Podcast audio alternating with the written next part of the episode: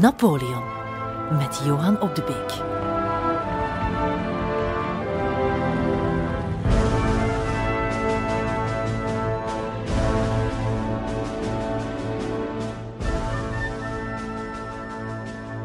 Het is maart 1810 en in de bureauzaal in het Winterpaleis van Sint-Petersburg eh, staat het tsaar aan zijn bureau. En hij voelt bij wijze van spreken het plafond op zijn doorluchtige hoofd vallen. Want de, de tsaar, de absolute heerser van Rusland, heeft zo pas een uiterst geheime zending ontvangen van zijn spionnen in Parijs. Hij doet die open en de inhoud is verbijsterend. Te weten, de Russen uh, zijn altijd goed geweest in spionage in het Westen. En dat was toen ook zo. Ze hadden twee meesterspionnen, Nesselrode en Tchertchevich. En die hadden toegang tot de hoogste kringen. Ze kochten ook uh, topambtenaren om en niet van de minste. Bijvoorbeeld uh, de politieminister Fouché, ondertussen opposant in 1810 van Napoleon, uh, staat op de loonlijst van de Russische spionagedienst.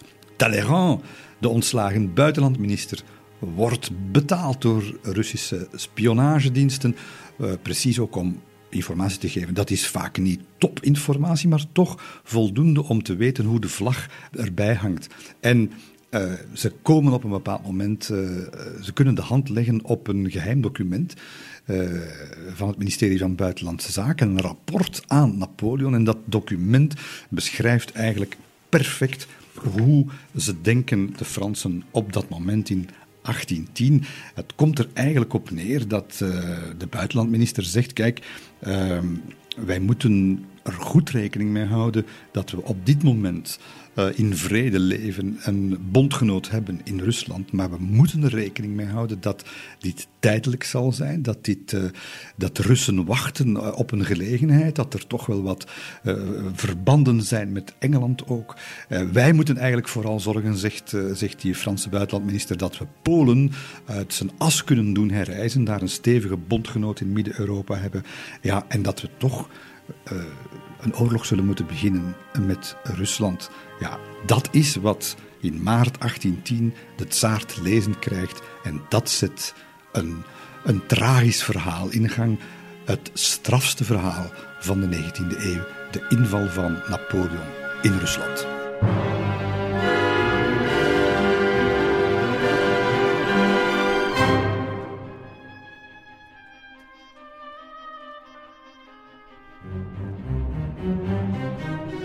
Eigenlijk is het een heel vreemde zaak, die, die veten, die Frans-Russische veten. Uh, natuurlijk was Rusland feodaal en Frankrijk modern, maar dat op zich heeft niet het conflict ingeleid. Integendeel zelfs, we moeten zeggen, op de keper beschouwd, uh, kon de Russische elite het eigenlijk heel goed stellen met Frankrijk. Uh, de Russische elite zag de Franse cultuur als superieur. Uh, beheersing van het Frans, van de Franse taal, was sowieso een voorwaarde om carrière te maken in, in het leger of in de administratie. Uh, de Grote, de grote vorstin, de, de, de, de, grootmoeder eigenlijk van de huidige tsaar, die had nog Diderot, de grote filosoof van de verlichting, naar Sint-Petersburg gehaald. Enfin, dat is niet zoiets van die twee staan met getrokken messen tegenover elkaar. Uh, maar ja, er zijn andere krachten natuurlijk die, die spelen. Met name is er toch, uh, daar hebben we het weer, de godsdienst. De orthodoxe kerk uh, ziet Frankrijk als de baarlijke duivel, de bakermat van de verlichting en dus de antichrist. Wat ze helemaal niet doorhebben is dat uh, ondertussen Napoleon al lang uh, vrede heeft gesloten met, uh, met de godsdienst. Je hebt het leger. Het leger dat verschillende keren al verslagen is door Napoleon en op revanche uit is. En dan het allerbelangrijkste, er is dat fameuze continentaal stelsel ingericht tegen de Engelsen. Alle Europese, Baltische en Russische havens geblokkeerd voor Engelse uh, import en voor Russische export naar het Verenigd Koninkrijk. En dat zet een enorme druk op de economie van, van Rusland. Uh, afzetmarkt voor hout, tarwe, hennep, talk, die is helemaal geblokkeerd. De koffieprijs die gaat verdubbelen, de roebel die gaat kelderen. En je krijgt dus een Russische economie die onder druk staat. En vooral het gevoel ook bij de Russen, en het is uh, generaal Benningsen die dat heel strategisch op dat moment aan zijn tsaar vertelt, die zegt van, we wedden hier op het verkeerde We moeten niet met.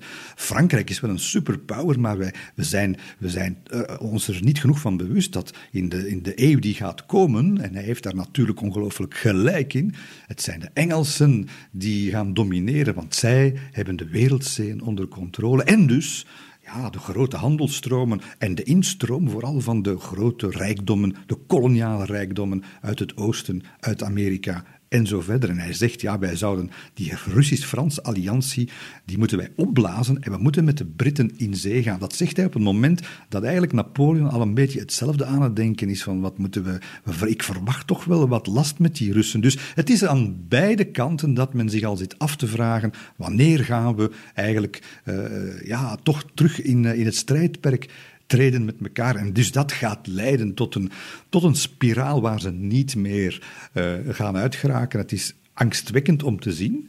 Uh, en we moeten daar vandaag natuurlijk, uh, we moeten er onze les uit trekken dat de geschiedenis zich herhaalt. Maar hoe twee superpowers die duizenden kilometers van elkaar verwijderd zijn, op zich geen enkel werkelijk direct conflict hebben, geen grenzen hebben met elkaar, dat die toch in een soort tredmolen geraken. Nog Napoleon, nog Alexander de Tsaar willen die oorlog. En je voelt, er wordt over en weer gecorrespondeerd. Uh, en de, maar de toon wordt altijd maar pitsiger. Op een bepaald moment uh, is er een, een receptie. We zijn nu al 1811 en er is een grote receptie, een jaarlijkse receptie. De ontvangst van de gestelde lichaam, zullen we maar zeggen.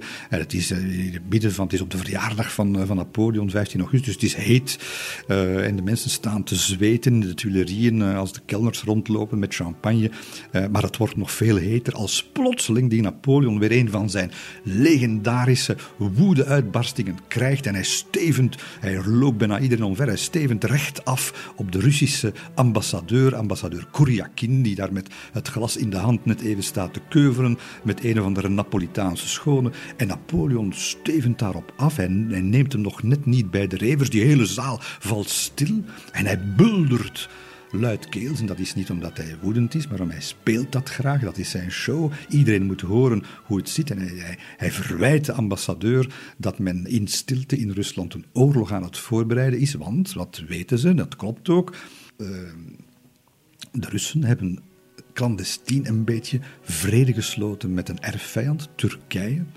En dat betekent dat ze troepen kunnen weghalen uit de Balkan, uit, uh, uit uh, de Caucasus, en dat ze die kunnen uh, naar het westen sluizen. En naar wie? op wie is dat gericht natuurlijk? Dat is gericht op, op, op Frankrijk, op het keizerrijk. En we weten ook uit hedendaags Russisch onderzoek dat eigenlijk het plan was, ook van de tsaar, niet alleen van Napoleon om naar het oosten te trekken, maar ook van de tsaar om naar het westen te trekken. Dus dat ging sowieso fout gaan. Nu, het is in dit verband toch wel belangrijk dat we eens even naar Talleyrand luisteren. Uh, Talleyrand die, die op ramkoers lag met Napoleon over, uh, over Rusland en over Oostenrijk. De twee Oostenrijkse keizerrijk, de dominante speler in Europa naast, naast Napoleon. Maar Napoleon wilde dus, hij had een hele tijd uh, vriendschapsbanden aangehaald met Rusland, uh, geloofde ook in die alliantie en wilde niet uh, als preferentiële partner Oostenrijk. En Talleyrand was het daar niet mee eens. En Talleyrand vraagt op een bepaald moment een rapport aan zijn ministerie op. Van, laat mij eens, zet mij eens op, een, op papier wat die Russen de laatste jaren allemaal hebben uitgevreden. Nu moet u luisteren, er gaat misschien een belletje rinkelen. Talleyrand maakt de lijst op en legt die voor aan Napoleon. En wat staat er in die lijst? Wel, in de afgelopen twintig jaar hebben de Russen Finland ingepalmd. De Russen hebben grote stukken van Polen ingepalmd. Polen bestaat eigenlijk niet meer. Ze zijn volop bezig met te penetreren in wat we tegenwoordig Oekraïne noemen. Ze hebben de Krim veroverd. Ze zijn volop bezig om Turkije uh, van de kaart te vegen en ze willen doorstoten tot in de Middellandse Zee. Ja, wie is hier bezig aan expansie? En, uh, en zijn er soms parallellen te trekken met 200 jaar later? Ik geef het maar even mee. Maar dat is de reële situatie. Je hebt dus de expansie van het Franse keizerrijk, Maar je hebt net zo goed de expansie van het Tsarenrijk. En dat zijn de krachten die toch wel aan het spelen zijn. Het is uiteindelijk Engeland, de derde, de lachende derde, die met het been zal, uh, zal gaan lopen. Maar dat is, dat is de geopolitieke context waarbinnen zich nu een tragedie van, van Homerische proporties gaat afspelen.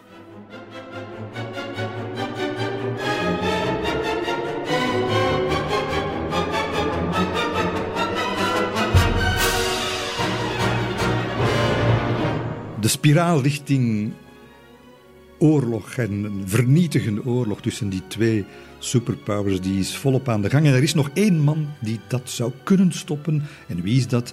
Dat is uh, de aristocratische Colincourt, uh, ambassadeur op dat moment in Sint-Petersburg. Uh, en eigenlijk eh, de enige die, die nog nee durft zeggen tegen de keizer, want het is ondertussen toch wel een aardige dictatuur geworden in Parijs. Uh, en uh, Colincourt is geen ja-knikker. Colincourt die, uh, zal op 5 juni 1811 het kasteelplein van Saint-Cloud oprijden. het is dan 11 uur in de ochtend en 7 uur lang zal hij met zijn keizer in een echte marathondiscussie belanden rond wat moeten we doen met Rusland. En Colincourt kent natuurlijk nu, hij is ambassadeur Gint, hij kent natuurlijk de onmedelijkheid van dat land, de grote moeilijkheden die nog geen enkele Franse generaal ooit heeft meegemaakt. Eh, de, de winter natuurlijk, niet te vergeten. En ook de vastberadenheid van de, van de Russen en hun gevoeligheden. Uh, met name rond Polen. Hè. Napoleon wil Polen niet loslaten, hij wil dat land ook niet echt onafhankelijk maken, maar hij wil het zeker niet overgeven aan de Russen. En de, de grote prijs voor de Russen is toch wel en Turkije, maar vooral ook Polen. En Colincourt zal urenlang op hem inpraten en uh, Napoleon wuift alles weg. Het, wordt, het, wordt, uh, het gaat van kwaad naar erger tussen die twee. En het zal zo ver gaan dat Colincourt op een bepaald moment zegt, wel, als je me niet gelooft, dan leg ik hier mijn kop op het blok, ontsla mij maar. Uh, en Napoleon schrikt daar even van en dan begint het gesprek eigenlijk pas goed. Maar het leidt tot niets. Hè. Na zeven uur discussie gaat Colincourt buiten in de wetenschap dat het oorlog zal worden. En heeft die Napoleon zich daar laten leiden door oorlogszucht?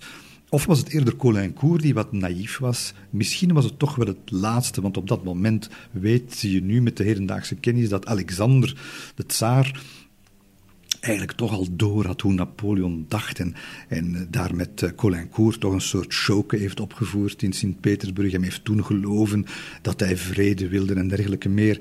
Uh, we weten vandaag dat de bedoelingen van de tsaar toen ook waren om, om de oorlog in, in te gaan. En Napoleon heeft ongetwijfeld dat spelletje doorzien. Maar goed, vanaf juni 1811 gaat de oorlogsmachine langs de twee kanten in gang. Rusland is een reus op leme voeten. Als ik Kiev aanval, raak ik hem in zijn voeten en valt hij om. Als ik Sint-Petersburg aanval, raak ik hem in het hoofd, maar als ik Moskou aanval, raak ik hem in het hart. Ik zal me op Moskou richten.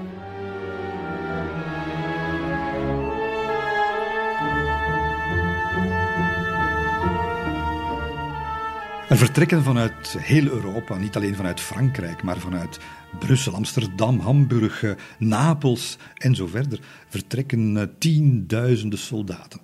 Uh, en onder meer jongens van bij ons.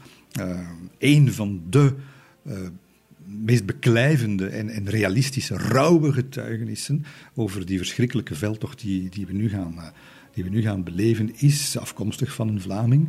Joseph Abel. Ik heb hem uitvoerig geciteerd in, eh, in mijn boeken, omdat het, eh, het, het, is, het, is, het beschrijft de persoonlijke tragiek naast dat grote verhaal van Napoleon en Alexander.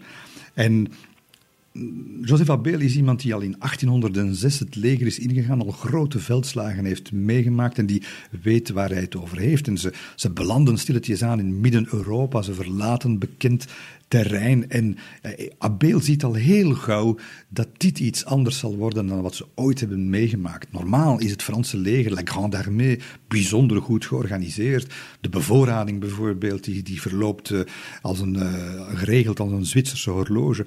Maar Abel ziet dat het in dit geval, ja, het leger is te groot, 600.000 soldaten Midden-Europa, vooral de Poolse streken, zijn zo arm als de straat. En ze hebben het gewoon. De oogsten zijn er niet om dat leger te bevoorraden. En hij schrijft: Als we ergens bij de boeren aankwamen, lieten we hen al het vee kapot maken dat we nodig hadden. Een heel verhaal van plundering begint daar. En wanneer Napoleon dat zal vernemen, wordt hij witheid van woede, want dat kan niet in zijn leger. Op dat moment laat hij nog soldaten executeren omdat ze plunderen, maar het zal niet lang meer duren voor hij tot het inzicht komt, wanneer hij echte troepen gaat bezoeken en ziet in welke staat van ontreddering ze zijn, nog voor de veldtocht echt begonnen is in Rusland, dat hij bijna ja, de ogen moet sluiten voor wat verschrikkelijke plunderingen gaan worden. En dat is nog maar het begin. Als we ergens bij de boeren aankwamen, lieten we hen al het vee kapot maken dat we nodig hadden. Koeien, schapen, ganzen, hoenders en andere. Bovendien moesten ze schnaps, bier en andere dranken gaan halen, waarvoor ze dikwijls drie à vier mijlen ver moesten gaan of rijden, omdat de steden ver afgelegen waren en er in de dorpen geen winkels te vinden zijn. Bij hun terugkeer kregen ze nog dikwijls stokslagen omdat ze te weinig meegebracht hadden. Ik moet zeggen dat het te ver ging, want ze moesten dansen terwijl wij zongen als ze geen stokslagen wilden krijgen. Dus die, die soldaten, ze zijn, ze zijn met, met heel veel, 600.000 een deel begint te plunderen. Abeel bijvoorbeeld zegt zelf: Wij hebben honderden families tot de bedelstaf gebracht. Ja, alles was goed voor ons. En wij sleepten al mee wat wij er vonden. Zowel de koeien, peerden, schapen, runderen, ganzen, duiven, brood, aardappelen, kapvesten, kabuizen, lijnwaad neusdoeken. Enfin, wij lieten aan deze arme inwoners niets anders als de ogen om te wenen.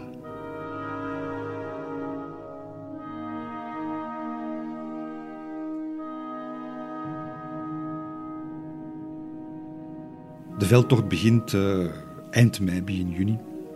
En er volgt nog een emotioneel moment voor de keizer zelf, want in Dresden uh, gaat hij eh, voor het laatst uh, slapen met, met zijn echtgenote, zijn nieuwe, jonge echtgenote, die hij doodgraag ziet, Marie-Louise van Oostenrijk.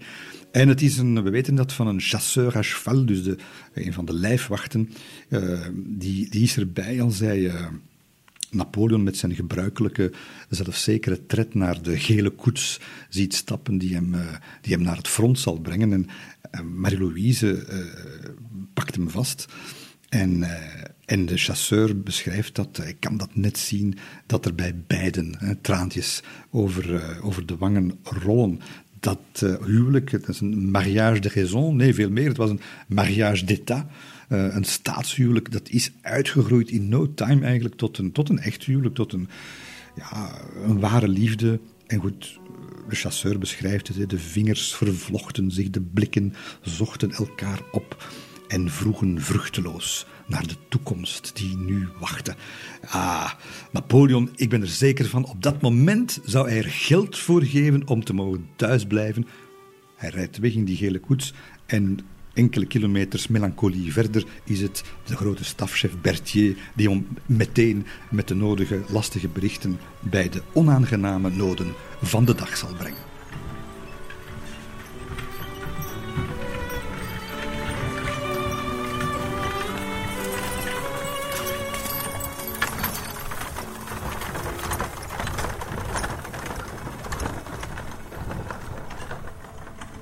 Op 24 juni 1812 komt het verlossende bevel voor die honderdduizenden soldaten. En ze, ze trekken op verschillende punten natuurlijk. Ze trekken uiteindelijk de, grens over, de stroom over. Die, de grens is tussen Pruisen, op dat moment bondgenoot van uh, Napoleon en Rusland.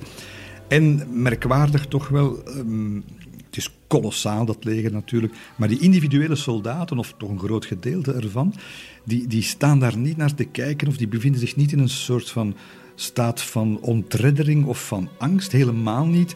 Getuigen bijvoorbeeld wat uh, onze Vlaamse soldaat Abeel, de carabinier, elitesoldaat weliswaar, schrijft.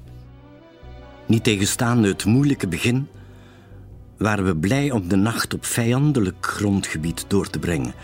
Want we dachten dat wij hem Sanderendaag zouden vinden om slag te leveren. Daar verlangden we echt naar. We hoopten dat we weldra volgens goede gewoonte het hele land veroverd zouden hebben. En misschien zouden we ook in het gevecht een kleine verwonding oplopen, waardoor we met congé konden. Enfin, ook dat was reden genoeg om uit te kijken naar het gevecht, vermits het bijna onmogelijk was om zonder letsel uit dienst te geraken. Deze en andere redenen gaven ons moed om te oorlogen.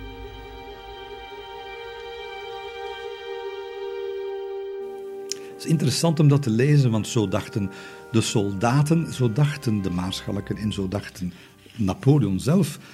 Een beetje traditioneel misschien. Men ging ervan uit dat de Russen binnen hooguit één week, twee weken zouden willen slag leveren. Ze zouden nooit toelaten dat de Fransen hun grondgebied zouden komen bezetten, binnenvallen, zonder slag of stoot.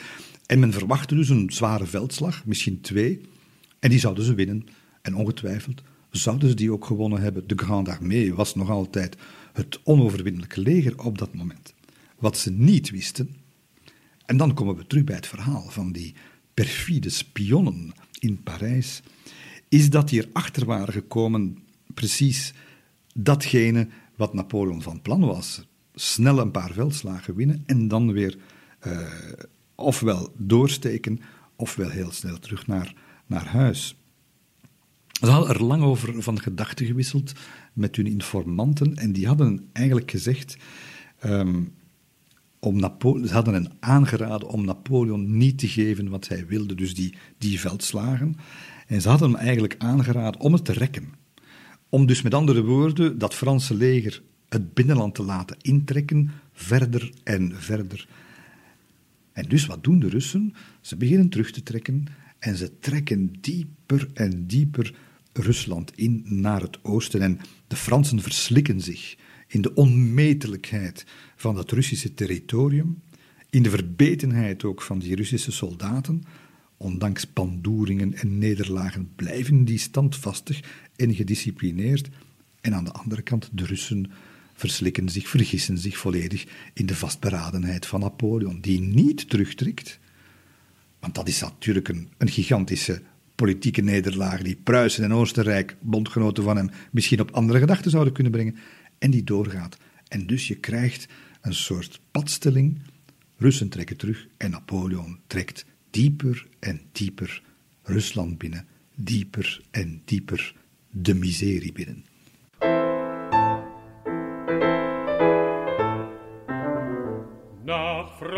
Frankreich zogen zwei Grenadier, die waren in Russland gefangen. Und als sie kamen ins deutsche Quartier, sie ließen die Köpfe hangen.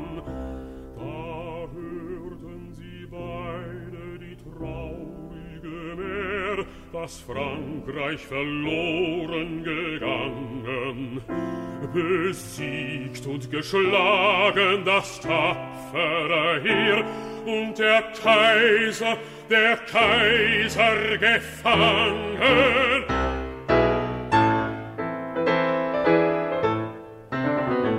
Da weinten zusammen die Grenadier,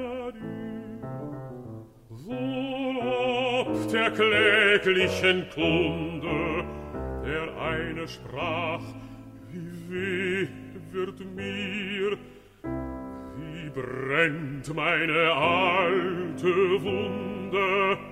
Der andere sprach, das Lied ist aus, auch ich möcht mit dir sterben, doch hab ich Weib und Kind zu Haus, die ohne mich verderben. Was schert mich Weib, was schert mich Kind? Ich trage weit besser Verlangen. Lass sie betteln gehen, wenn sie hungrig sind. Mein Kaiser, mein Kaiser gefangen. der eine Bitt. Wenn ich jetzt sterben werde, so nimm meine Leiche nach Frankreich mit, begrab mich in Frankreichs Erde. Ach, Kreuz am roten Band, sollst du aufs Herz mir legen, die Flinte gib mir in die Hand und gürt mir um den Degen, so will ich liegen und horchen still, wie eine Schildwach im Grabe, bis einst ich höre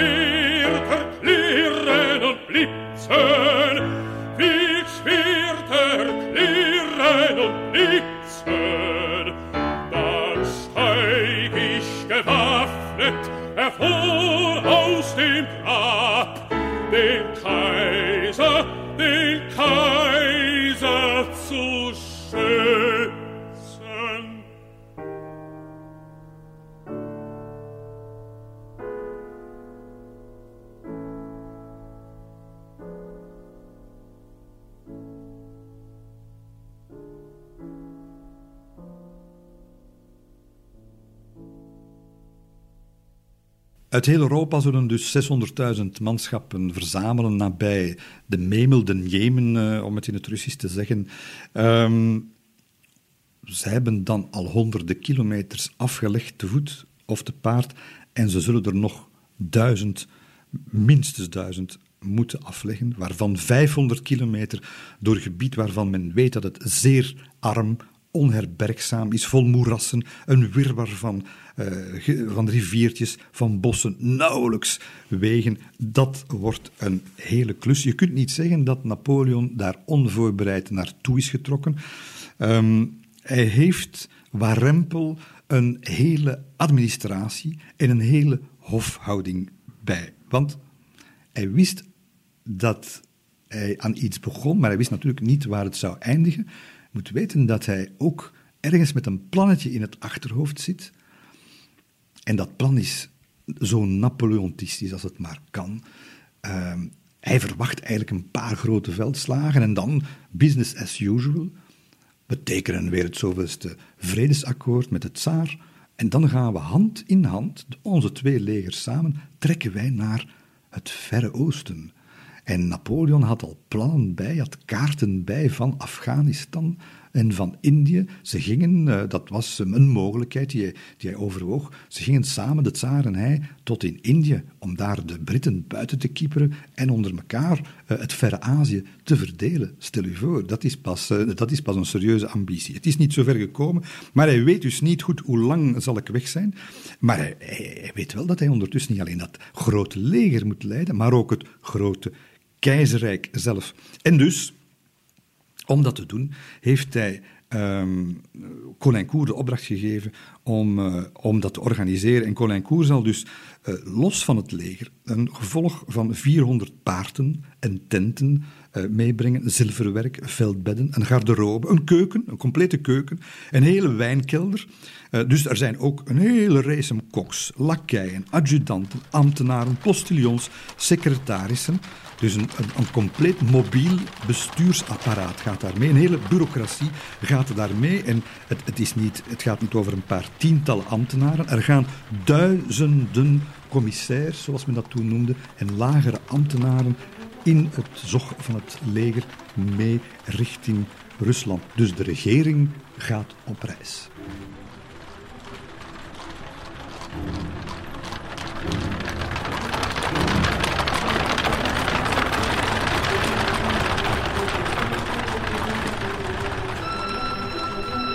Soldaten, de Tweede Poolse Oorlog is begonnen. De eerste eindigde in Friedland en Tilsit. In Tilsit zwoer Rusland een eeuwige bondgenoot zijn van ons en de oorlog te verklaren aan Engeland. Vandaag breekt ze die beloftes. Ze weigert elke verklaring voor haar vreemde opvatting die stelt dat de Franse adelaars de Rijn niet mogen overschrijden. Wat betekent dat we onze bondgenoten aan hun lot moeten overlaten? Denkt Rusland dat we gedegenereerden zijn? Zijn we niet nog altijd de soldaten van Austerlitz? Rusland laat ons kiezen tussen oneer of oorlog. De keuze kan aan geen twijfel onderhevig zijn, dus laat ons de Memel overschrijden en de oorlog op haar territorium voortzetten.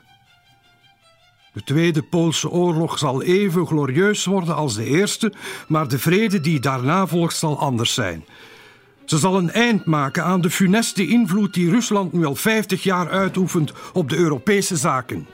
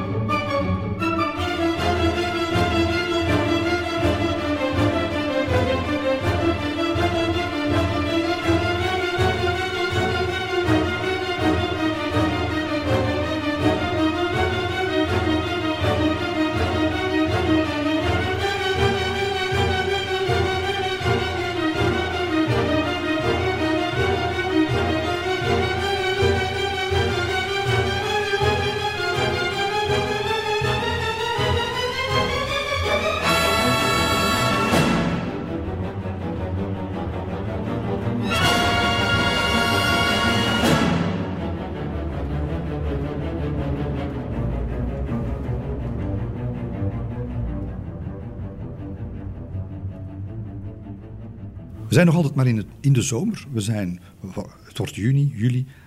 En een belangrijk onderdeel van het leger hangt al in de touwen: de paarden. Duizenden paarden die in keurige stoeterijen uh, zijn uh, gefokt en daarna in de Franse en in de Duitse kazernes worden getraind, die zijn al verloren gegaan. Uh, vervangen door minderwaardige Poolse knolletjes, ontstolen aan een of ander amechtig Pools boerengezin.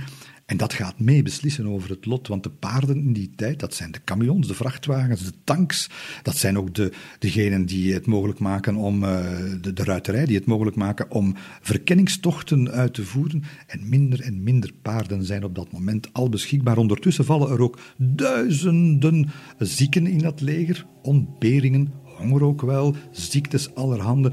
Dus nog voor er een schot gelost wordt, moet Napoleon al vele duizenden soldaten missen aan ziekte, maar ook aan garnizoenen die ja, die weg wordt altijd maar langer en langer. Dus die route moet bewaakt worden. Die dorpen, steden moeten bewaakt worden. Garnizoenen die allemaal niet meer tot het leger behoren. En dat betekent dat ja, men stilletjes aan naar een serieuze uitdunning gaat. Van die 600.000 blijven er eigenlijk naar het einde van de zomer nog een goede 200.000 over die echt vechtens klaar zijn. De rest ja, zit in kazernes, zit in uh, depots of ligt in ziekenhuizen. En dus dat Grand d'Armée is al een stukje minder grand dan Napoleon het zich zou wensen. Een ander probleem is ook een militair probleem. Dit is een leger dat zo groot is dat zelfs Napoleon het eigenlijk niet meer de baas kan. Napoleon is gewend om uh, troepenmachten van 100, 200.000 man persoonlijk te leiden. Hier heb je verschillende enorme korpsen die op dagmarsen van elkaar opereren. Je moet weten dat gaat eigenlijk dat, dat front dat opent zich van, van, van de Baltische Zee tot bijna in Oekraïne. Uh, onderaan in het zuiden zijn dat trouwens Oostenrijkers.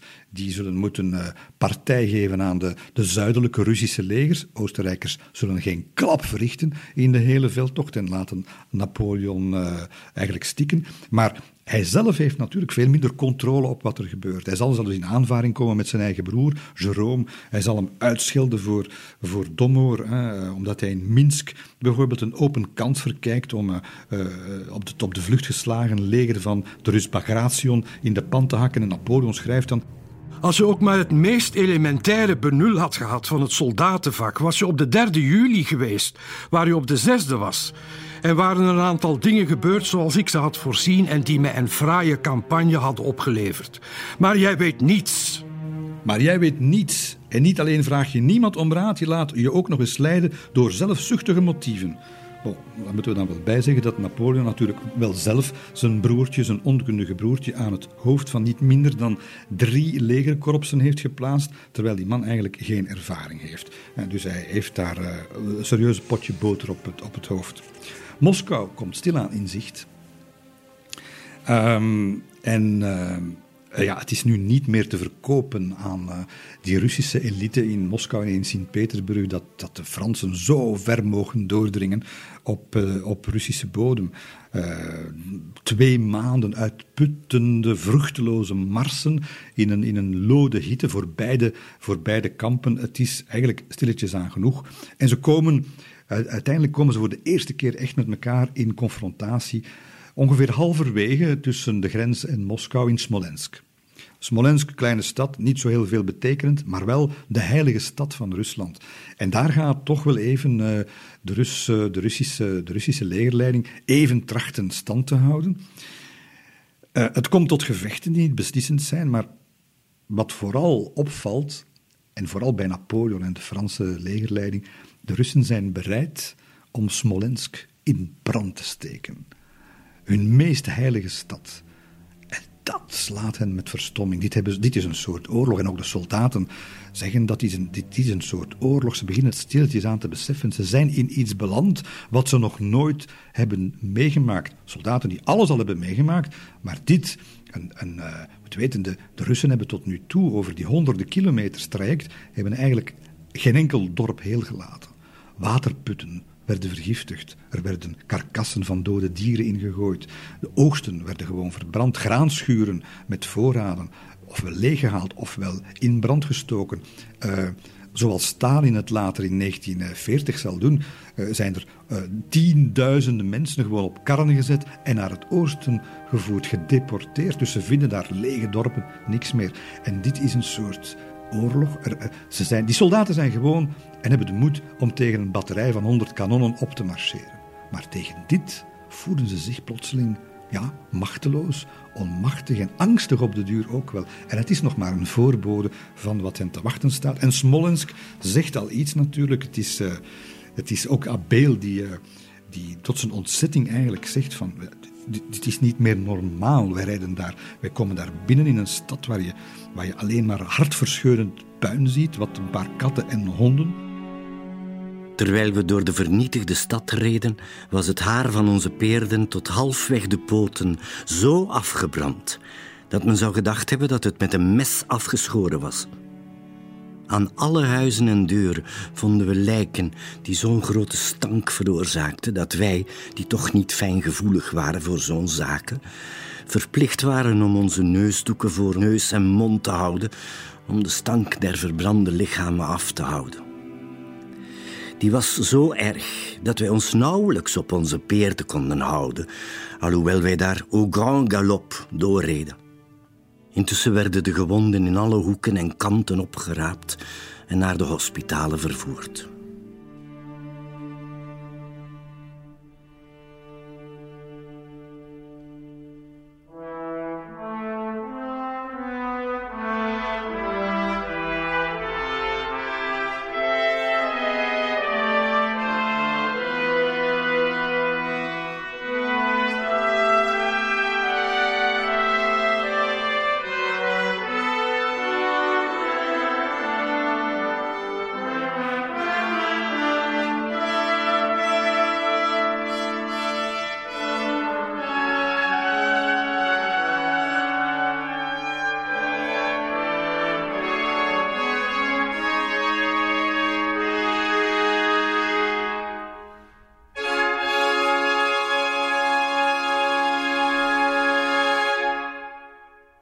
Het is voor Napoleon in Smolensk een eh, echt een moment om eens goed na te denken. Hij is nu echt zeer ver van huis. Achter zich goed toestand min of meer onder controle, maar weinig voorraden. Voor zich een woestenij waarschijnlijk. En ja, met de dag verliest zijn leger uh, de slagkracht die ze nodig heeft. En we weten ook uit de dagboeken van Colincourt dat op dat moment Napoleon echt overweegt om te overwinteren in Smolensk en niet door te gaan naar Moskou.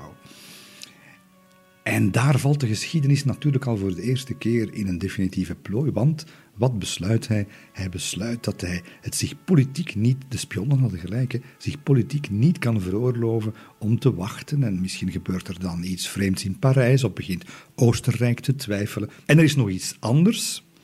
Hij maakt zich natuurlijk ook grote zorgen over een ander front, dat is het front van Spanje, waar de zaken ronduit slecht gaan op dat moment. De, Franse legers worden daar langzaam teruggedreven door de Britten, door Wellington.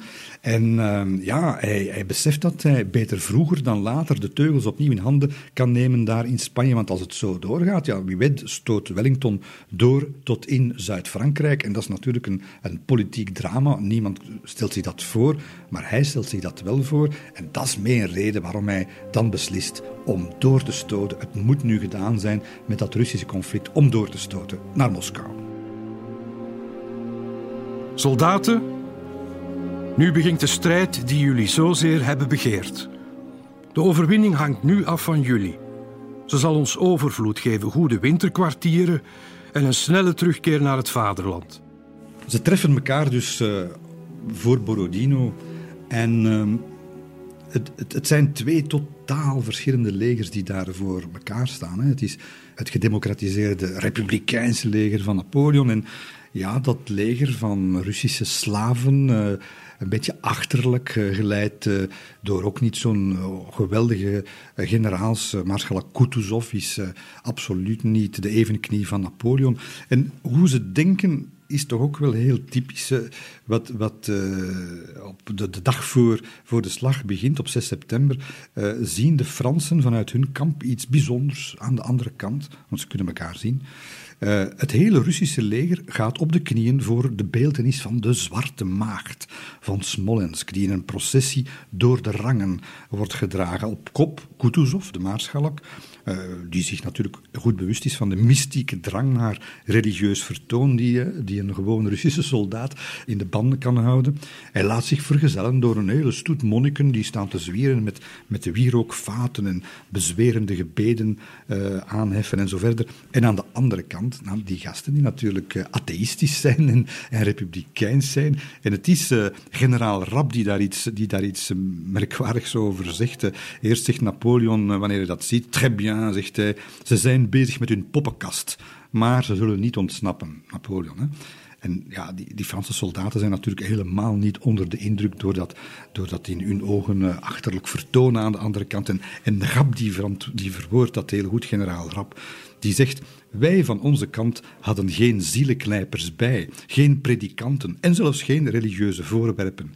Maar wij droegen in ons de erfenis van een uitzonderlijke glorie. En Rap verwijst hier natuurlijk naar de verlichting en de Franse Revolutie. En hij zegt: Hier, aan de rand van Azië, was het moment gekomen om uit te maken wie de wetten zou stellen in de wereld: de Tataren of wij.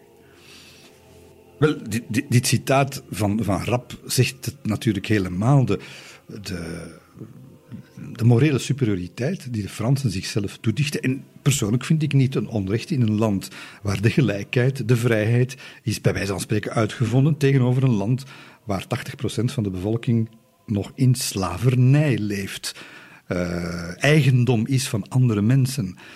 Uh, ja, als je vandaag de dag vraagt aan welke kant sta je, dan denk ik dat het voor iedereen duidelijk is. Hè?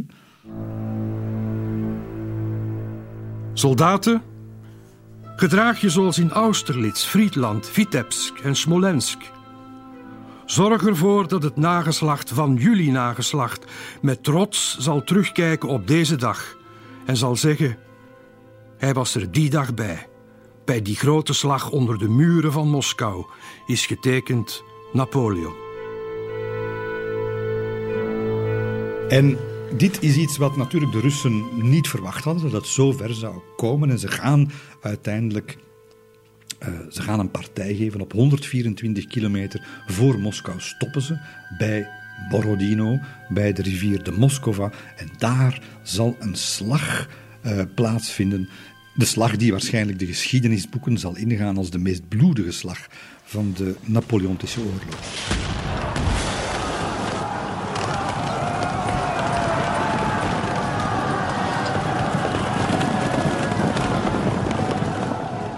Het oorverdovende lawaai lijkt op gekerm.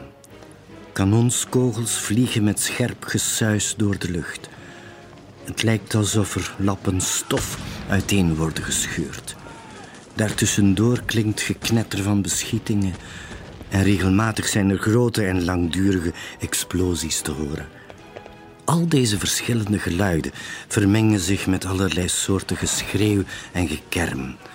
Alles bij elkaar zorgt het voor een lawaai-inferno, waarbij dat van Smolensk maar een slap aftreksel was.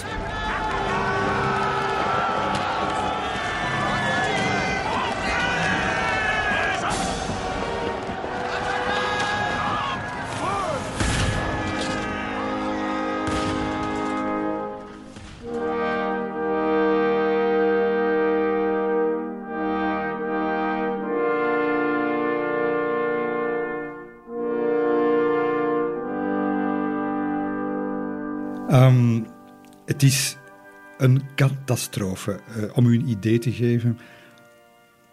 Uh, het is alsof er tussen dageraad en zonsondergang om de acht minuten een volle Airbus mensen neerstort op een oppervlakte die niet groter is dan bijvoorbeeld Anderlecht of Deurne. 74.000 doden. 71 generaals die sneuvelen op dat slagveld en ontelbaar veel gewonden. En vooral de Franse cavalerie die bijna ophoudt te bestaan. Wie ook bij de cavalerie was en bij die gewonden is, is Joseph Appel. Hij krijgt een vreselijke hou in de hand. Uh, dat is een wonde die, uh, die aardig uh, gevaarlijk is, die ook zal leiden tot een, een geweldige infectie. En nog tijdens de slag vertrekt Abel, uh, krijgt toestemming van zijn kolonel om, om, uh, om de slag, die, die, die vreselijk huishoud, te verlaten. En hij trekt uh, gewond dus naar, naar de hospitalen die rond het slagveld gelegerd zijn. En wat hij daar ziet, heeft hij eigenlijk nog nooit meegemaakt, want hij is nog nooit echt zwaar gewond geraakt. En hij komt terecht in de vreselijke wereld van de 19e-eeuwse veldhospitalen. Het was voor hem een echte schok. Ik trok naar de zijkant van het dorp waar ik meer dan honderd beenhouwers, chirurgijnen, aantrof. Ze waren bezig met de ene zijn been en de andere zijn arm af te zetten.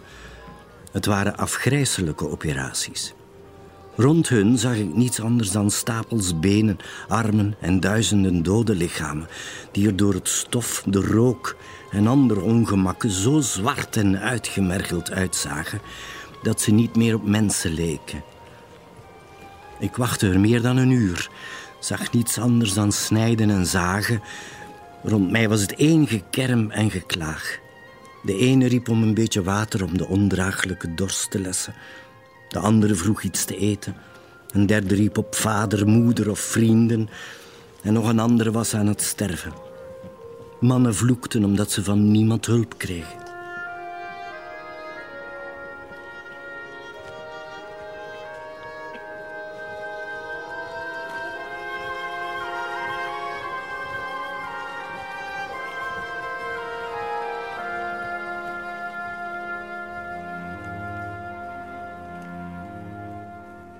Borodino is zo erg dat uh, iemand achteraf schrijft dat de doden er eigenlijk beter aan toe waren dan de overlevenden, want die wisten nog niet in wat voor ellende ze de volgende dagen en weken terechtkomen.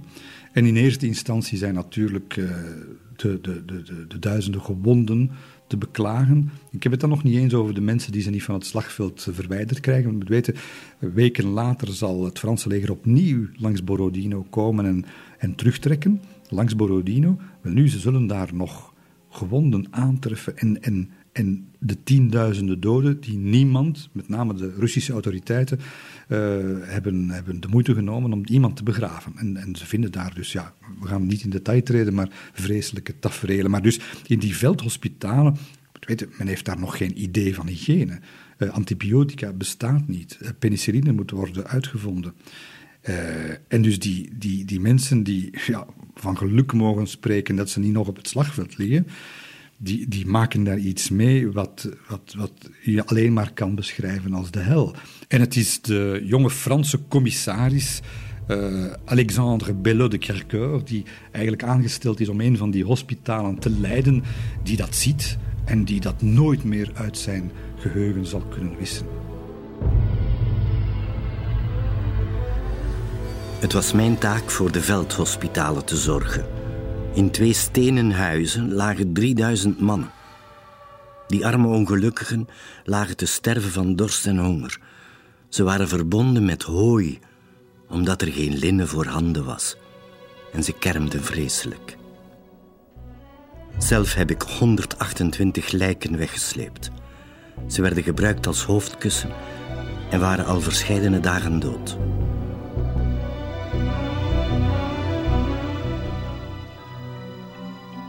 Dit, dit slaat een mens koud natuurlijk. Dit, dit is iets wat we, wat we voor ons zien.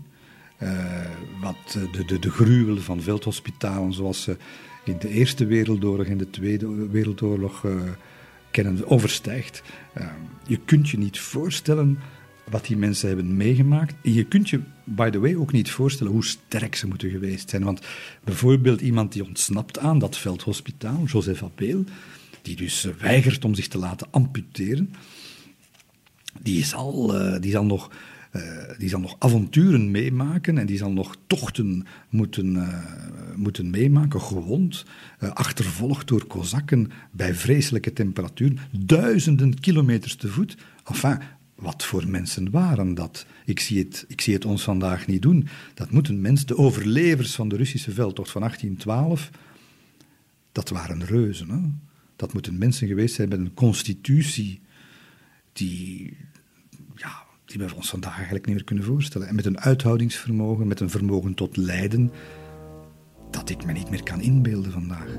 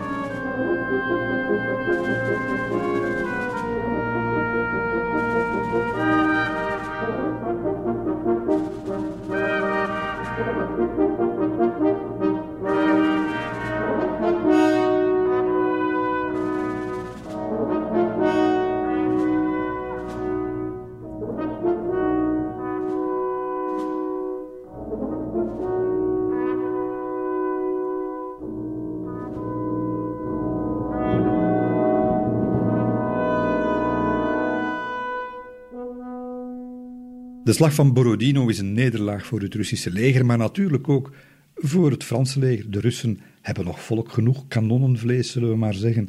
Maar de Fransen die moeten het doen met wat ze ter plaatse hebben. En Kutuzov, de Russische maarschalk, neemt waarschijnlijk de verstandigste beslissing van, van 1812. Hij moet nu kiezen.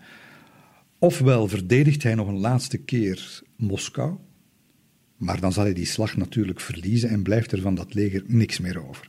Ofwel, en dat is natuurlijk politiek heel, heel moeilijk, geeft hij Moskou op aan de Fransen, maar heeft hij nog een kans om van, van de, de ruïne die zijn leger is, toch nog iets te maken. En het is dat laatste wat hij doet. En dus verschijnt het Franse leger, of wat er nog van overblijft, want we spreken hier nog over honderdduizend Franse soldaten, uh, waaronder natuurlijk niet te vergeten de, de Garde Impériale voor de poorten van Moskou. En het is een geweldig tafereel dat zich daar gaat afspelen. Napoleon en de, en de Fransen verschijnen op die heuvels die, die Moskou omringen en ze zien in de verte de koepels, de gouden koepels van, ja, van de kerken en van het Kremlin en zo verder blinken. En ze zijn blij, want ze, ze verwachten nu dat ze soelaas zullen vinden voor al de ellende die ze de afgelopen drie maanden hebben ondergaan. En Napoleon wacht op, zoals dat toen gebruikelijk was, de sleutels van de stad, die je dan overhandigt als, als stadsbestuur aan de overwinnaar. Dat is dan een soort eh, deal van, wij geven u de sleutels, we onderwerpen ons, en in ruil hopen we dat u ons dan verder niet te veel lastig valt.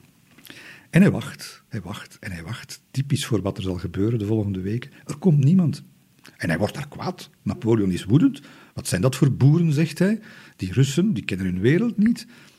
En hij moet uiteindelijk Murat, met een voorhoede van de cavalerie, moet hij naar Moskou sturen om te onderzoeken wat dat daar nu eigenlijk is. En we weten dan, we lezen dan in de getuigenverslagen van die soldaten, van die officieren die daar de stad binnenrijden. Dat is een soort horrorfilm.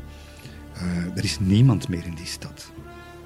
Verlaten, ja, er zijn 1 op 50 van de Russische inwoners zijn nog gebleven.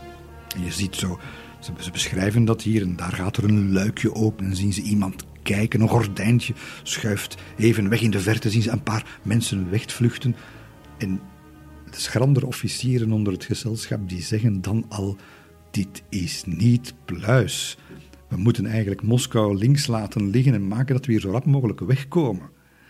Ja, dat kan natuurlijk niet. Eh, dat kan in de militaire logica, maar niet in de politieke logica van Napoleon. En het leger trekt, trekt de stad binnen. Ze beginnen natuurlijk uh, meteen aan een, uh, aan een grootscheepse plundering.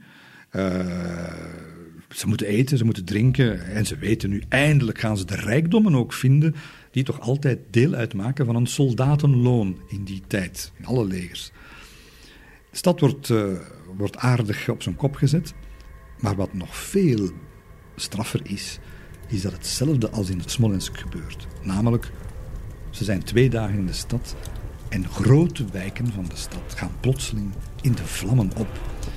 En het is zo dat de gouverneur, de Russische gouverneur van Moskou, eh, dagen op voorhand al eigenlijk alle brandweermateriaal uit de stad heeft weggehaald en een aantal uh, handlangers heeft aangesteld om op heel strategische locaties in de stad brandhaarden aan te steken. Een houten stad niet te vergeten. En uh, we zouden ze vandaag terroristen noemen. Die terroristen die gaan dus uh, onder de ogen van Napoleon, is zo'n bekend schilderij waarop hij van op de muren van het Kremlin stom verbaasd staat te kijken naar een, een Moskou dat in lichte laaien staat. Ook Abel is daarbij, die ziet dat allemaal gebeuren en die, die weet het ook niet meer. Het is waar dat de brand gruwelijk was om te zien want door de zwarte rook van pek, olie en zo meer leek de lucht in een hel te zijn veranderd. Daarbij kwam het geschreeuw van zij die in de brandende straten liepen om hun leven te redden. Maar het was nog veel afgrijselijker toen wij zelf naar de brand in de stad gingen. Op alle hoeken en plaatsen vonden we zwart verbrande lijken van mensen die elkaar nog vasthielden. We vonden verkrachters die naast hun slachtoffers lagen. Op andere plaatsen zag ik man, vrouw, vijf, zes of meer kinderen die elkanders hand vasthielden.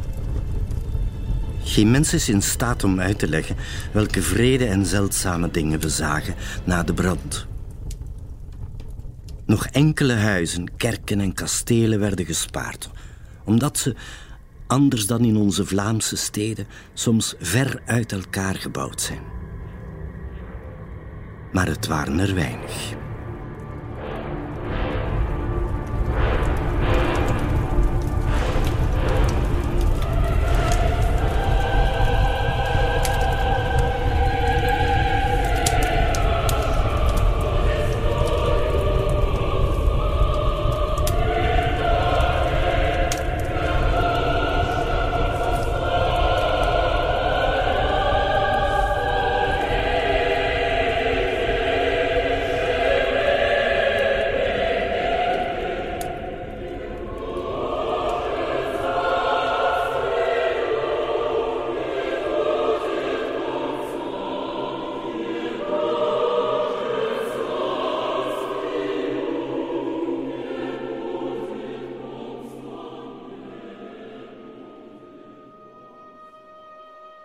Dit is de, de, de, getuigenis van een gewone soldaat die, die, het niet begrijpt natuurlijk. Uh, Napoleon begrijpt het ook niet. Niemand begrijpt wat daar gebeurt. Waarom steken die Russen die stad in brand? Wel, het is, uh, het, het, is een signaal, het is een politiek signaal.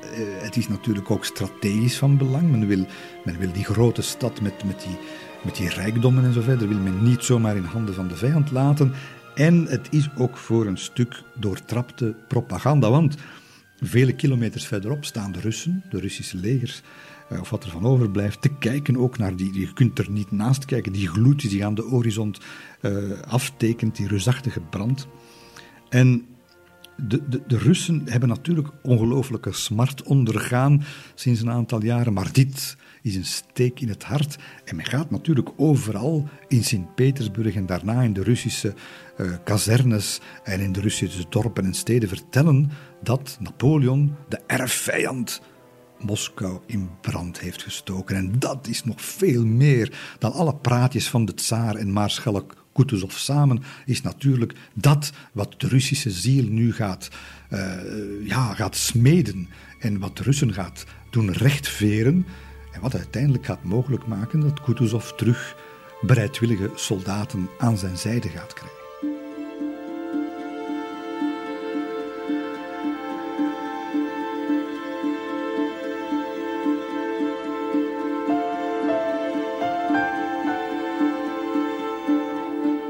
Binnen september eh, is Moskou een Franse stad. En Napoleon, uh, ja, het enige wat hij niet uh, verwacht eigenlijk, uh, het enige waar hij niet op voorbereid is, gebeurt, namelijk er gebeurt niets. Hij denkt namelijk, hij, heeft de belangrijkste stad, het zenuwknooppunt van het Tsarenrijk in handen. En de logica is nu natuurlijk dat de tsaar zal pogen tot een vergelijk te komen. Hij doet het niet. Er komt geen enkel bericht uit Sint-Petersburg. Uh, Napoleon stuurt nog een paar gezanten. Uh, dat leidt tot niets. En week na week wacht hij en wacht hij, wikt zijn, zijn opties en weet eigenlijk niet wat doen. Uh, dit is nog nooit gebeurd. en hij zal wachten tot 18 oktober. En op 18 oktober krijgt eindelijk het leger het bevel en we zijn op een paar dagen van het begin van de winter nu. Het bevel om de stad te verlaten en terug te keren. Dit is een nederlaag. Maar het zal natuurlijk nog veel erger worden dan een nederlaag. Uh, het leger, zeg ik, maar eigenlijk is het een carnavalstoet die daar Moskou verlaat. De soldaten denken dat de oorlog voorbij is en ze zijn beladen meer met, uh, met rijkdommen dan met munitie en, en, en, wapens.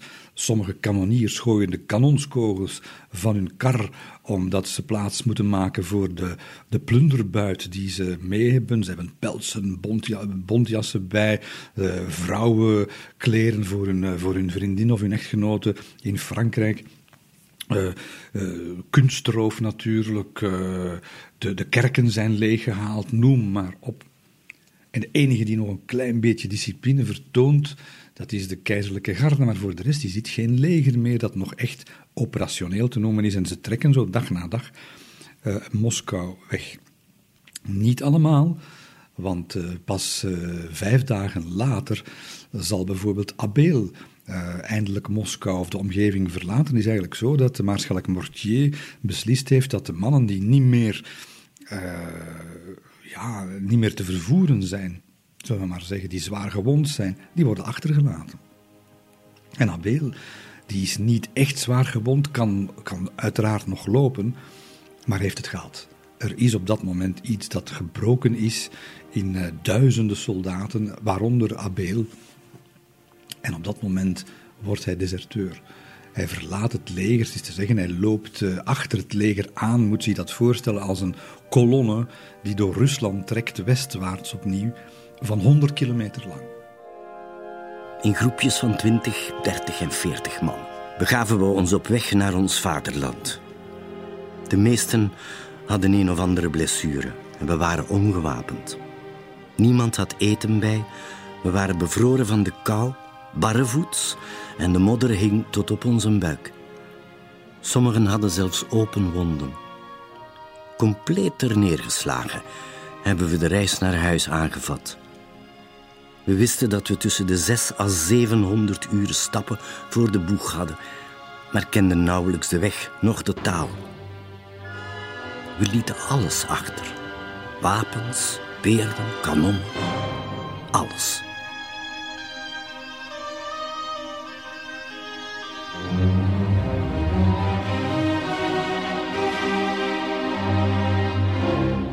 Honderd kilometer mensen en dieren vooraan.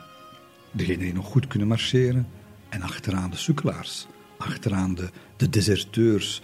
De, de mannen die niet meer dicht bij het leger durven komen omdat ze schrik hebben om gepakt te worden, maar die ook niet te ver van het leger durven lopen omdat ze ondertussen omsingeld worden door duizenden kozakken te paard die uit zijn op het pakken van ja, van, van buiten, het pakken van mensen. Eh, als je gepakt wordt door de kozakken, dat is het, het ergste wat je kan overkomen. Dat, eh, dat betekent marteling op zijn minst.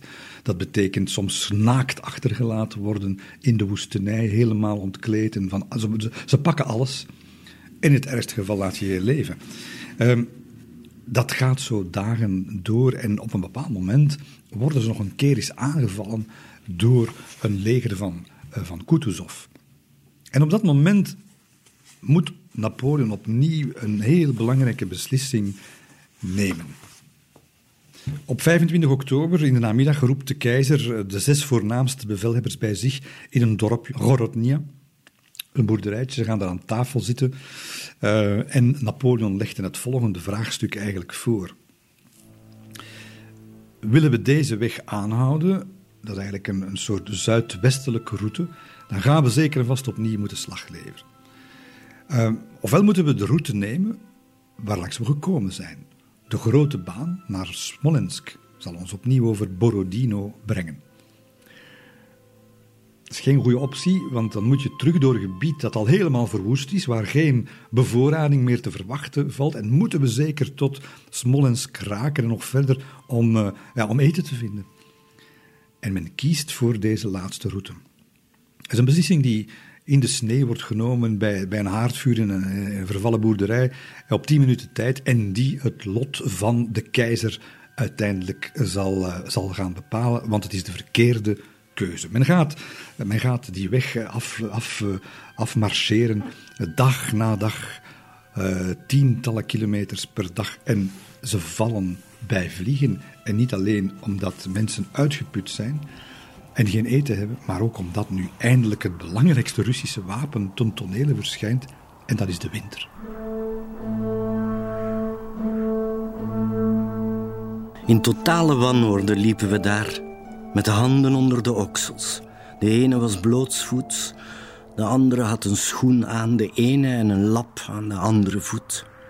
De meesten waren gewond. Iedereen zag zwart van honger en koude. We waren uitgemergeld van armoede en leken eigenlijk niet meer op een mens.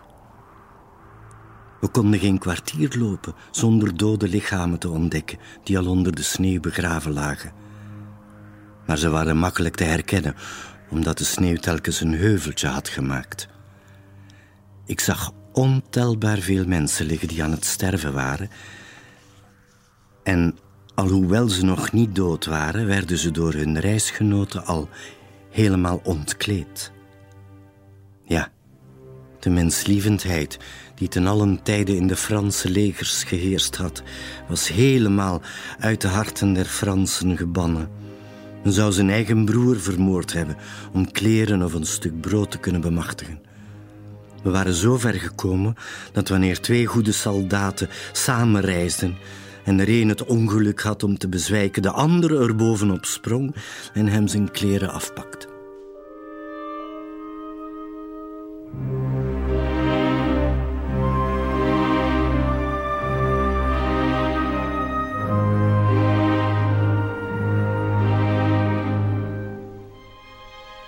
Wat, mij persoonlijk bijzonder toch getroffen heeft en wat ik in, zeker in dat boek wilde, wilde verwoorden, is hoe normale mensen zoals u en ik. Abel die komt uit een dorpje uh, bij Anzegem, is een, een zoon van een, van, een, van middenstander, heeft een normaal leven. In 1812 maakt de oorlog van hem een onmens. En vele anderen. Uh, hij, hij beschrijft dat in zijn, in zijn memoires met een rauwheid en een eerlijkheid. Hij is niet hij is niet bepaald fier over wat hij gedaan heeft en hoe hij gedacht heeft, maar hij is wel, hij is wel eerlijk en hij beschrijft scènes zoals. Uh, ze komen bij een schuur en het is natuurlijk het is heel guur weer geworden. Men, men, men gaat van een paar, op een paar dagen tijd van, van, van plus 5 naar min 10 naar min 20. Het zal uiteindelijk min 37 graden worden. En vuur s'nachts is natuurlijk van levensbelang. Geen vuur om je heen, dan ga je dood, dan vries je dood. En hij komt bij een schuur. En in die schuur, ja, schuren die zijn dan bevolkt door de sukkelaars. Hè. Dat zijn de, de gewonden die daar liggen en een paar mensen die zich daar nog kunnen binnenwurmen. Maar in die schuren wordt ook vuur gemaakt. En een van die schuren, dat is een verhaal dat je vaak terug ziet komen. Die schuur vat vuur, die gaat in de vlammen op. En Abel beschrijft dat. Hij zegt, wij stonden daarbij. En dan moet je luisteren. En wij vermaakten ons. Zo ver waren we gezakt. Wij vermaakten ons, want binnen hoorde je de cartouches ontploffen. Wij vonden dat plezant. De mensen verbrandden levend in die schuren. En degenen die er omheen stonden waren zo afgestomd, zo bekommerd om, om het eigen heil, dat ze daar geen greintje normale menselijke gevoelens meer bij hebben. En Abel is daar diep beschaamd over, maar beschrijft ons dat wel. En zo zijn er heel veel verhalen van mensen die geen mensen meer zijn. We gaan ook het is nooit bewezen, maar we gaan ook natuurlijk, wanneer er geen eten meer is en de paarden ook op zijn gegeten, wat blijft er dan nog over? Er zijn verhalen van cannibalisme. Nooit bewezen, maar men kan er zich iets bij voorstellen. Hè?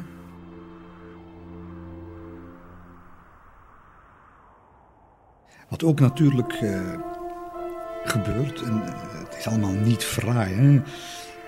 De mens toont zich in 1812 van de meest verschrikkelijke zijde. Uh, degenen die achterblijven, uh, degenen die niet meer kunnen, maar nog leven, die worden gepakt soms door boeren die hen meesleuren naar de dorpen. En de, de, de, de, verhalen daarover zijn niet van Franse zijde, maar van Russische en Engelse zijde. Dus laten we zeggen, minder vooringenomen en dus meer betrouwbaar. En die zijn verschrikkelijk. Mensen die gespiest worden, geroosterd worden boven een vuur. En mannen, vrouwen en kinderen die daaromheen dansen. Het, het, het, is, dit is de hel. 1812 is de hel op aarde.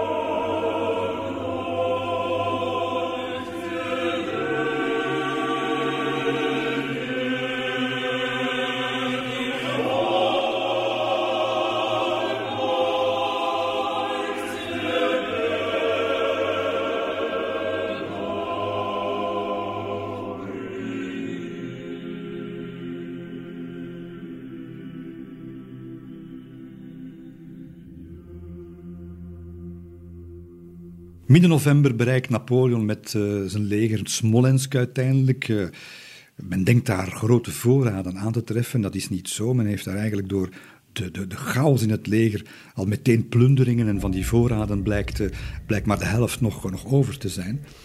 En Op 15 november besluiten ze om Smolensk te verlaten en trachten door te stoten richting Vilnius, om daar dan aan de Baltische Zee, om daar dan, uh, om daar dan heil te zoeken van het 100.000 koppige leger dat Moskou verlaten heeft. We spreken nu over wat? Over een maand geleden is er nog 41.500 man over.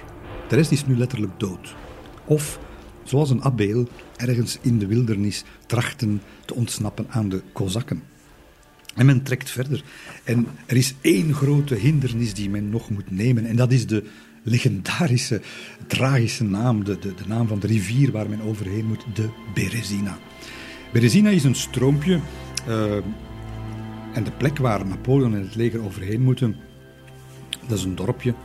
Uh, en daar ligt een brug eigenlijk onvoorstelbaar vandaag de dag dat het lot van een, van een rijk en van een keizer en van een leger en van duizenden mensen van een brugje van een paar meter, van, van een 50 meter brug afhangt.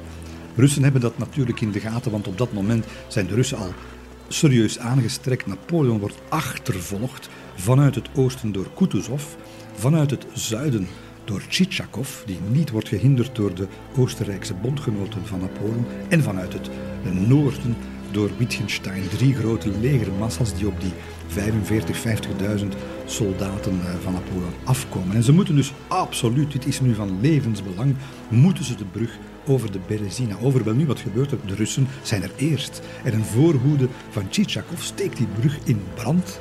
En Napoleon zit in de val. Het is gedaan. Behalve dat Napoleon nog steeds Napoleon is. En hij gaat voor de allerlaatste keer nog één keer het witkonijn uit de hoed toveren.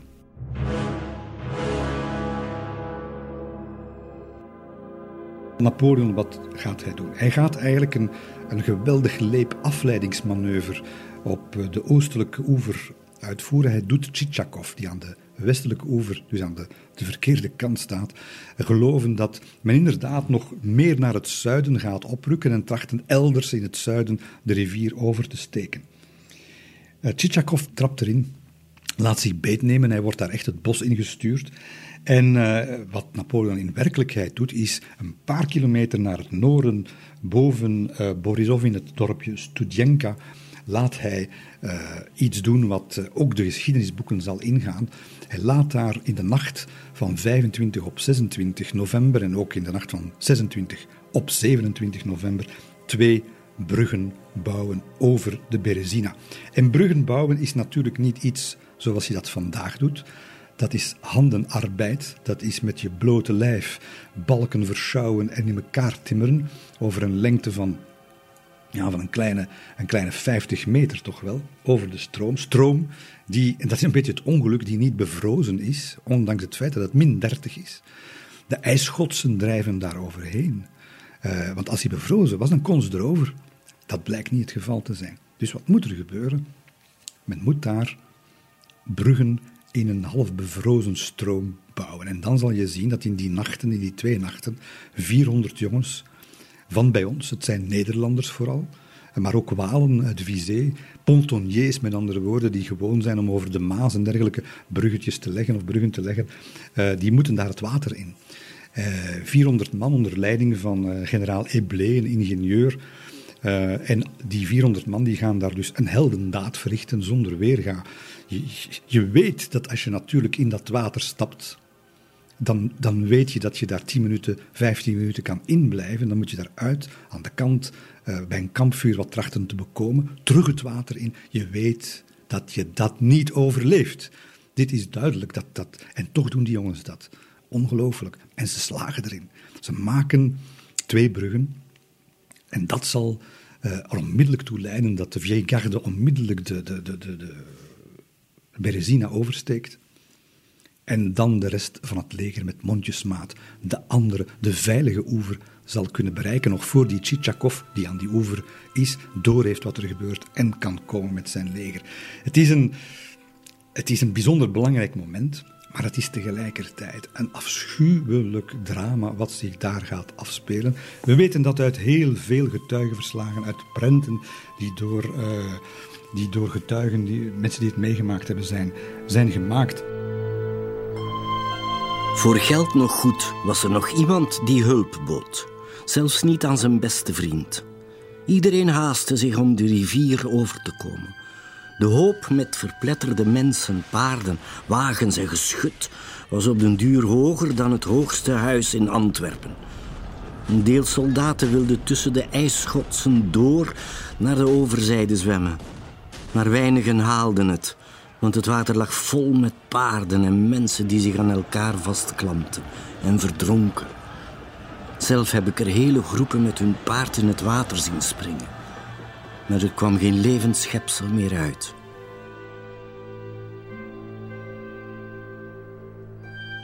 Wie natuurlijk nog kan marcheren, die raakt erover. Maar je hebt natuurlijk heel veel zieken. Eh, je hebt eh, veel burgers nog altijd die achter dat leger aantrokken. En de deserteurs, waaronder Abel, die er eerst niet over mogen. Die mogen de eerste nacht en dag er niet over. Omdat eerst de, de geregelde troepen die nog kunnen vechten over, die krijgen voorrang. Die gaan eerst gendarmes houden, met andere woorden, iedereen tegen die niet tot het geregelde leger behoort. Uh, en in de nacht van van 26 op 27 november gebeurt er iets merkwaardigs. Het is generaal Marbeau die ons dat beschrijft. Die Marbeau die gaat kijken in de nacht naar die bruggen waar de, de vorige dag eh, ja, duizenden en duizenden mannen zijn overgemarcheerd, kanonnen en zo verder. En, en die bruggen zijn leeg. Die Marbeau begrijpt het niet. Waar zijn, want er zijn aan de andere kant, aan de verkeerde oever, nog, nog 30.000 mensen die daar bij kampvuurtjes liggen, sommigen te zieltogen. Maar zegt, maar waar zijn die nu? Waarom trekken die hier niet over? Want als ze er morgen niet over zijn, vallen ze zeker en vast in de handen van de Russen. Nu, het is, geen, uh, het is geen compliment voor Napoleon. Hij heeft uh, bevel gegeven om te zorgen dat in die nacht de, de, de achterblijvers, zullen we maar zeggen, over die bruggen zouden gestuurd worden. Maar hij heeft nagelaten om, te, om na te kijken of dat bevel ook is uitgevoerd. En het bevel ja, niemand heeft het tot zijn taak gerekend om die mensen daar te gaan roepen en ze de bruggen over te sturen. En Marbeau die steekt die brug over en die gaat praten met die mensen die daar liggen en hij zegt, ze waren amorf, ze waren apathisch, ze, waren, ze, ze, ze hadden het niet meer in zich om recht te staan en die brug over te steken. Temperatuur nogmaals die min 40 beginnen te benaderen. Mensen die uitgeput zijn, die alleen nog stro om hun voeten hebben. Uh, die, uh, die alles wat ze kunnen bemachtigen van iemand die, die, die ziek is en zich niet meer kan verweren. De kleren van het lijf uh, rukken om warm te hebben. Dat soort mensen heb je daar nog liggen op de grond. En ze geraken er uiteindelijk niet over. En wat er dan de dag daarna zal gebeuren, is met geen pen te beschrijven. En toch hebben sommige van onze ooggetuigen het gedaan. Ik viel niet, dat is waar. Maar dat kwam alleen omdat ik niet kon vallen. Het kwam alleen doordat ik aan alle kanten overeind werd gehouden door de massa die tegen me aandrong. Ik heb nooit zoiets gruwelijks meegemaakt als toen ik daar overlevende wezens liep, die probeerden mijn benen vast te grijpen en mijn bewegingen blokkeerden als ze probeerden zich op te hijsen. De Württembergse officier Karel von Zukov was een van de enige overblijvende mensen die, uh, die in die menigte verstrikt is geraakt. En dat, die is meegezogen in, in een werkelijk kolkende massa over zo'n bruggetje dat ook kan voortdurend instorten en zo verder. En ze moesten die pontoniers terug het water in om die bruggen te herstellen. Maar wat er zich op die bruggen heeft afgespeeld, dat heeft von Zoekhoff uh, ijzingwekkend beschreven. Ik herinner me tot op de dag van vandaag wat ik voelde toen ik mijn voet zette op een vrouw die nog leefde. Ik voelde haar lichaam bewegen en hoorde haar gillen en smeken: Heb medelijden met mij. Ze klemde zich vast aan mijn benen, tot ik plots door een felle duw in mijn rug werd opgetild en loskwam uit haar greep. Je denkt voortdurend en dat was een, het gevoel ook, herinner ik me nu, als ik, als ik mijn boek schreef, pagina na pagina, denk je van, dit, dit is de hel. En dan blijkt dat eigenlijk maar het vage vuur te zijn. Het wordt altijd maar erger en erger. En de Berezina is het, is het absolute dieptepunt. Hè. Uh, kun je het nog positief noemen dat Napoleon daarover geraakt met zijn, met zijn staf en, en de harde kern van zijn leger? Ja, het is een overwinning voor Napoleon, maar de, de tragiek voor de, voor de mensen die daar achterblijven, die in dat water sterven, die, die kapotgeschoten worden door de Russische kanonnen omdat ze die bruggen niet meer over kunnen, die in brand gestoken worden door, door, door generaal Eblé, die ze gemaakt heeft. Want als ze blijven staan, ja, dan kunnen de Russen er ook over natuurlijk. Die worden in brand gestoken. Mensen komen om op die bruggen. En aan de andere zijde worden ze, worden ze op een vreselijke manier dan door de Kozakken uh, neergesabeld en, en gefolterd en dergelijke. De Berezina is de beste remedie tegen oorlog. Elke, eh, iedereen die denkt van we moeten een oorlog hebben om iets op te lossen, die moet maar eens lezen wat, uh, wat er aan de Berezina is gebeurd. En ik hoop dat hij dan voor goed genezen is.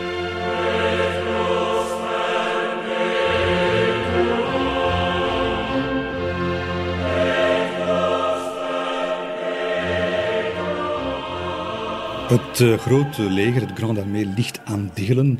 Menselijke tragiek.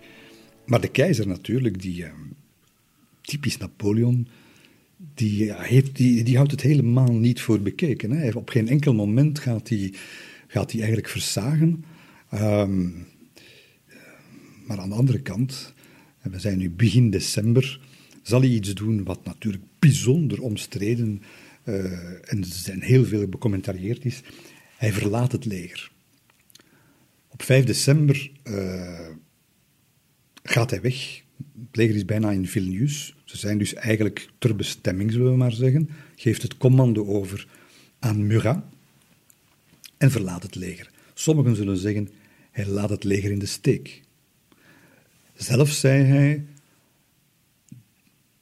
ik kon er niet op vertrouwen dat we op veilige bodem waren, maar waar ik niet op kon vertrouwen, herinner u het verhaal van de Russische spionnen, was dat, uh, dat ik misschien toch nog zou gepakt worden. En vooral, ik moest Europa terug in, in mijn, onder mijn controle krijgen. Want te lang wegblijven uit Parijs, als die berichten van, onze, van, onze, van ons wedervaren in Rusland Parijs bereiken voor ik er ben, dan leidt dat zeker tot een, uh, tot een probleem. En dus hij, hij, gaat weg met een heel klein gezelschap.